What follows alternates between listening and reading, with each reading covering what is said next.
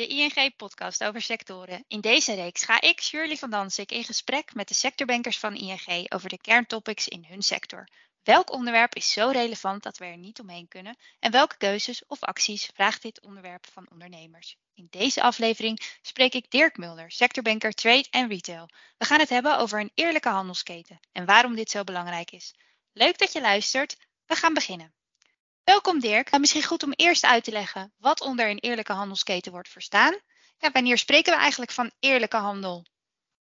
Uh, goedemorgen Shirley. Uh, leuk uh, dat, dat wij hier dit gesprek hebben. Um, ja, goede vraag. Wat is een eerlijke handelsketen? nou ja, even, je hoort en leest er natuurlijk veel van op dit moment. Zowel in de kledingketen als in de foodketen. Um, is er wel een eerlijke verhouding tussen aan de ene kant eh, de producenten, wat uh, uh, vaak fabrieken in het Verre Oosten zijn, ehm, en aan de andere kant de grote merkleveranciers of de grote retailers. Um, en is er in de keten wel een eerlijke verhouding? Wordt er wel een eerlijk loon betaald? zijn de arbeidsomstandigheden daar wel goed? Uh, je kan je voorstellen dat uh, veel producten die hier verkocht worden een lage prijs hebben. Nou, komt die lage prijs dan tot stand doordat men veel producten inkoopt? Of is het het geval dat wij de werknemers daar een onvoldoende loon betalen? Nou, dat is denk ik in het kort een beetje waar het over gaat als we praten over eerlijke handel. Ja, ja, wat ik mezelf afvroeg, uh, een eerlijke handelsketen, is dat dan ook meteen een duurzame keten? Of staat het echt los van elkaar? Uh, ik denk dat het een onderdeel is van. Uh, kijk, duurzaamheid is natuurlijk een heel breed begrip. Ehm, het gaat dan over wat is je CO2-uitstoot, wat is de impact die je hebt op het milieu. Uh, uh, hoe ga je om hè, met, de, met, met de maatschappij hier uh, direct om je heen, met je eigen, met je eigen werknemers. Maar een eerlijke handelsketen is daar ook een, een, belangrijk onderdeel van. En ik denk ook dat het een steeds belangrijker onderdeel daarvan wordt.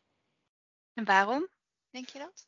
Nou, ik, ik denk. Ehm, ik heb, we hebben vanuit het verleden hebben gezien dat er natuurlijk toch een aantal dingen gebeurd zijn. Hè. Neem uh, de fabriek in uh, Ragna Plaza in Bangladesh, die ineens instortte. nou, bleek dus dat het gebouw waar veel de vrouwen produceerden. niet goed geconstrueerd was. Hè. Er werd steeds een laag bovenop gebouwd. En doordat dat gebouw instortte, zijn heel veel werknemers die ook niet weg konden komen, zijn overleden. Nou, dat heeft natuurlijk een impact op, ons als consumenten, maar ook uh, op ons als maatschappij. En we hebben toen met z'n allen wel gezegd van. Uh, dit willen we niet meer. Nou, in het verleden zijn er ook, uh, Nike is daar een voorbeeld van, bedrijven, dat is alweer heel ver geleden, bedrijven die aan de schandpaal worden genageld omdat men erachter komt dat hun schoenen of hun voetballen geproduceerd worden met, met kinderhandjes. Dus het, is iets wat uh, in onze westerse maatschappij als niet normaal wordt beschouwd. Uh, uh, en waar wij van zeggen van dat moet veranderen. En die consument, en zeker de jonge consument, die gaat dat steeds belangrijker vinden als zij producten gaan aanschaffen. Ja, helder. Um, je hebt het over jonge consumenten. Dus met name die doelgroep, die vindt dat steeds belangrijker, zeg je. Um, ik denk dat uh, een deel van de oude doelgroep uh, uh, het ook belangrijk gaat vinden. De, de, ik denk dat het een olievlekwerking is, dat die groep consumenten die, dit, die daarnaar kijkt en dat als een maatstaf meeneemt in zijn aankoopgedrag steeds groter wordt. Maar ik merk wel dat het vooral jonge consumenten zijn die zich daar druk over maken en die daar ook wel naar kijken. Uh, van uh, wil ik die nou, producten nog wel over, kopen? Heb je het dan over de millennials of de generatie die daar nog nakomt? Ik heb het eigenlijk voornamelijk over, over de millennials, ja. ja. En, uh, je kan aan één kant kan je zeggen, generatie Z, de millennials, ja, het is nou misschien niet per definitie de generatie die het meeste koopt. Op dit moment. het zijn vaak jonge mensen die aan het begin van hun werkcarrière staan of helemaal nog aan het studeren zijn. Ja. Uh, maar zij uh, gaan uh, wel een steeds belangrijkere invloed hebben op de manier waarop wij consumeren en ook hoe merken kijken naar hun producten. Ja. En hoe gaat de sector er eigenlijk mee om hè, met die wensen? Zijn er bepaalde initiatieven om de handelsketen eerlijker te maken? Uh, ja, die zijn er zeker. Uh, ik noemde al eerder dat uh, Ragnar Plaza. er is toen vanuit Nederland een initiatief gestart om toch te kijken naar een eerlijke handelsketen. er is een convenant getekend. Nou, convenant is niet verplichtend. Hè? Het is geen wet of regelgeving. Maar bedrijven geven daarmee aan dat zij verantwoordelijkheid willen nemen en dat zij willen kijken hoe ze die keten kunnen verbeteren. Uh, maar het is zelfs zo dat er uh, nu wetgeving aan zit te komen. Um, de overheid heeft gezegd van, um, en dan heb ik het even over de Europese overheid, de Europese Commissie. Nee, dat zeg ik verkeerd. Het Europese Parlement heeft in 2021 al een wet aangenomen die bedrijven een grotere aansprakelijkheid geeft over wat er gebeurt in de keten.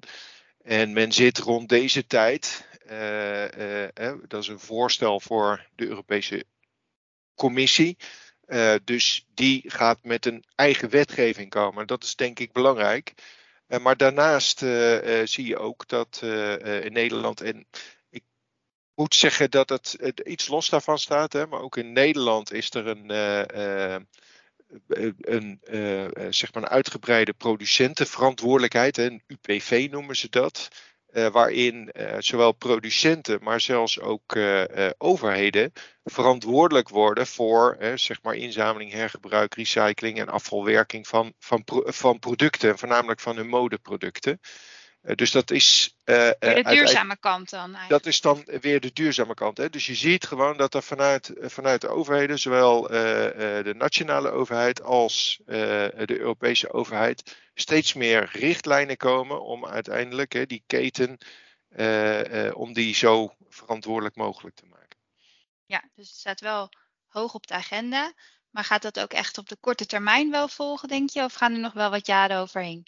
Uh, uh, uiteindelijk uh, gaat dat nog wel een tijdje duren. Hè. men is nu bezig aan het steggelen en, en daar zijn al verschillende voorstellen voor geweest. Hè. Er zijn, je, je, kunt je voorstellen dat in Italië en Portugal bijvoorbeeld, dat daar toch veel producerende landen zitten. Duitsland heeft natuurlijk ook een aantal grote merken. dat die toch wat kritischer zijn over die ehm, uh, verantwoordelijkheid die grote bedrijven uh, krijgen en de regeldruk hè, die dat met zich meeneemt. Uh, dus dat, ze zijn op dit moment nog aan het steggelen, maar het lijkt erop dat het ehm, dit jaar dat het rondkomt. En vervolgens hebben landen dan nog een bepaalde tijd om dat dan vast te gaan leggen in eigen wetgeving. Ja, duidelijk. Dan weer even terugkijken naar Nederland. Uh, zijn er voorlopers in de, in de keten, in de sector? Hoe presteren Nederlandse bedrijven eigenlijk op Fairtrade? Uh, nou, toevallig uh, heb ik afgelopen week heb ik bedrijf Garcia gesproken. Ehm, een producent van, van, van spijkerbroeken. Ehm, die dit als focuspunt heeft om, om naar een eerlijke keten te komen, om daar ook naar te kijken om dat in beeld te brengen. Hè, van wie zijn hun producenten? Uh, en hoe zijn de omstandigheden daar ten aanzien van, van productie? Maar ik, ik, denk dat er meer bedrijven te vinden zijn die, dat, die daar op dit moment mee bezig zijn. Hè. vanuit de fashion, wie fashion maakt er hele grote stappen in. Uh, maar goed, uh, ik denk dat er meer voorbeelden van uh, te vinden zijn. Ehm, van bedrijven die, die daarmee aan de slag zijn. en, en ik denk straks dat het ook een, een license to operate wordt. Dat het, nu, nu kun je nog zeggen van goh, ik, ik loop voorop. maar straks ga je gewoon krijgen dat zowel retailers, de grote retailers, zowel nationaal als internationaal, dit als, als minimum eis gaan stellen. En, en ja, dan moet je wel je zaak op orde hebben. Ja, zeker. Wat ik me ook nog afvroeg, uh, volgens mij wordt in veel gevallen er nog voor gekozen om toch uh, ja, niet lokaal te produceren, hè? Een, een, land wat verder weg te kiezen. Maar waarom is dichter bij huis produceren niet altijd een optie voor bedrijven? Um, nou ja, goed, dat, dat is eigenlijk een aantal jaar geleden, uh, dan, dan praat ik over 20, 25 jaar geleden. We hebben natuurlijk historisch een, of een laat ik zo zeggen, een, een geschiedenis met textielproductie hier in Nederland. voornamelijk in, in Twente. Ehm, maar het, het, grote probleem was dat op een gegeven ogenblik de arbeidskosten zo opliepen en dat bedrijven langzamerhand hun productie gingen verplaatsen naar, naar het Verre Oosten. En daarmee eigenlijk steeds op zoek gingen naar landen waar de productiekosten laag waren. Ehm, China is daar een goed voorbeeld van. Nou, je ziet de laatste jaren ehm, dat daar de salarissen ook weer oplopen. En dan zie je weer dat er productie verplaatst wordt naar Bangladesh of naar India, et cetera, et cetera. Dus um, producenten zijn toch altijd wel op zoek naar de laagste productiekosten. Um, dan zou je kunnen zeggen van ja, goed, gezien alle problemen die er nu zijn, ook in de supply chain, haal dan een stuk van die productie weer terug. Maar dat blijkt niet zo makkelijk te zijn, want inmiddels zit daar ook heel veel kennis en heel veel expertise. Um, en we hebben zou die mensen dan mee willen nemen ook hier naartoe?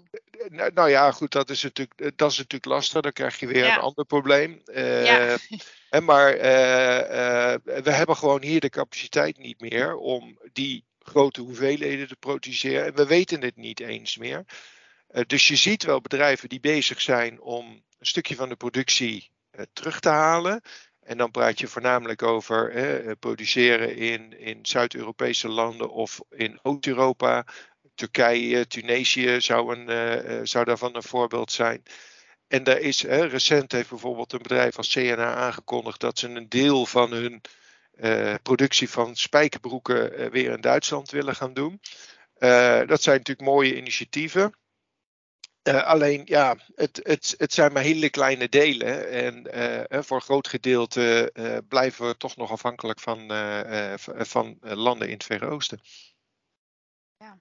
Maar wat zouden retail- en groothandelbedrijven dan volgens jou nodig hebben om tot een goede aanpak voor een eerlijke keten te komen? Zodat het wel met grotere ja, gevolgen gaat zijn en niet die kleine stapjes. Um, nou ja, goed, uit, uiteindelijk denk ik uh, uh, een lange termijnvisie. retailers en, en merkleveranciers worden toch geleefd door de waan van de dag. Dus dat, dat is, is de korte termijn. Ik denk dat ze ehm, ook wat op meer strategie moeten hebben, op langere termijn moeten gaan denken. Belangrijk daarvoor is, hè, waar ik het eerder al over had, dat er een uh, dat er uh, wetgeving komt, zodat er een level playing field komt. Hè, dat, dat niet uh, partijen die heel goed bezig zijn in die keten ehm, afgestraft worden ten opzichte van zeg maar, hè, de cowboys die in een sector opereren. Waarom is dat dan zo? Omdat hè, op het moment dat je toch kijkt naar een, een meer sociale en verantwoorde eh, keten, dan liggen vaak de kosten wat hoger. En eh, ten opzichte van partijen die zich daar niet aan houden. En dan krijg je dus oneerlijke concurrentie. Maar wat kunnen bedrijven zelf doen? Ik, ik denk één, wat belangrijk is, dat zeg maar het topmanagement, het C-level niveau, en dan heb je het dus over, over de CEO, de CFO en de COO, uh, dat die gecommitteerd zijn aan een uh, duurzame strategie. Uh, vervolgens moet je dat op een goede manier vertalen richting de rest van de mensen. Dat je hele organisatie dat eigenlijk uh, in de cultuur opneemt. En dan, dan moet je inzichtelijk gaan maken hoe, hoe jouw keten eruit ziet. Ehm, en, en uh, daar, uh, en wel, welke stappen je wil zetten om dat in twee, drie, vier jaar om daar verbeteringen in aan te brengen. En vervolgens zul je dat dus moeten gaan monitoren, hoe het met die stapjes gaat en hoe ver je bent. En zul je daarover moeten gaan communiceren. Hè? Daar zal je transparant over moeten zijn. en je zult dus ook beslissingen moeten durven nemen dat als bedrijven, producenten in het Verre Oosten daar niet aan willen meewerken, om daar dan afscheid van te nemen. Ja, ja, en dat afscheid nemen, dat is misschien dan nog wel uh, het lastigste in het geheel. Uh, uh, absoluut. Ja. nou, denk, nou denk ik dat er genoeg producenten te vinden zijn die op een gegeven ogenblik wel die stap maken. maar daar zit natuurlijk ook een emotionele stap vaak bij, omdat het vaak producenten zijn. die, waar je al een langdurige relatie mogelijk mee hebt. Ehm, en dan zeg je niet zo even van joh, uh, we, we, hebben met elkaar lange tijd prettig gewerkt. Ehm, maar ja, goed, nu scheiden onze wegen. Klopt maar... het, ja.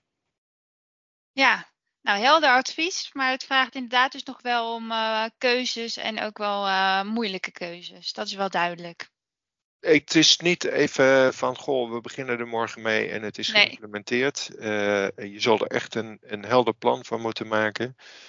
Uh, wat ik afgelopen vrijdag ook in het gesprek terugkreeg van, zorg dan niet dat je stagiair daarmee aan het werk laat of iemand van de afdeling operations. Nee, er moet echt een gecommitteerd CSR person zijn die daar een, een goed plan op schrijft.